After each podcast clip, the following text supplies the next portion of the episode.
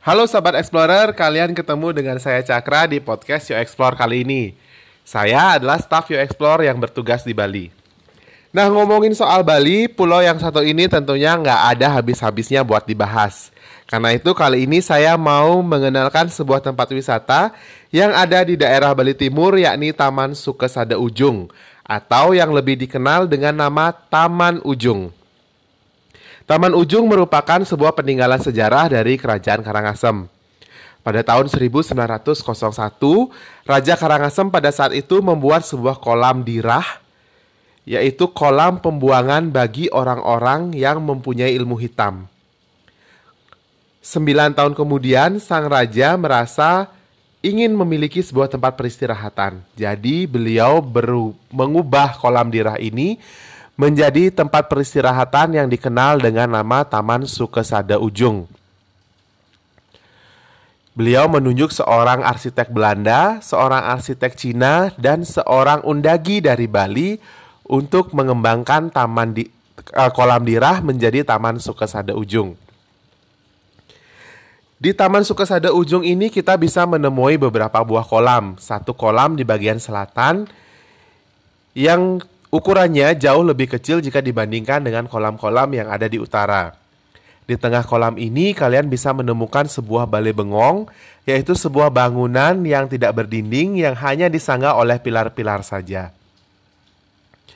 Bangunan ini fungsinya adalah untuk beristirahat sambil menikmati keindahan di sekitar Taman Ujung.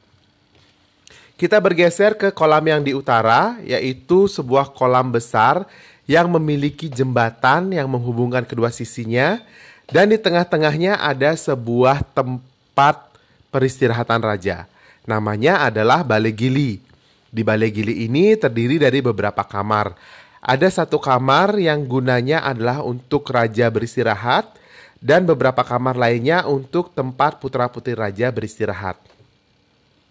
Selain ada balai bengong dan balai gili, di Taman Sukesada Ujung ini juga ada sebuah bangunan yang bernama balai kapal. Balai kapal bisa dijangkau dengan menaiki beberapa anak tangga.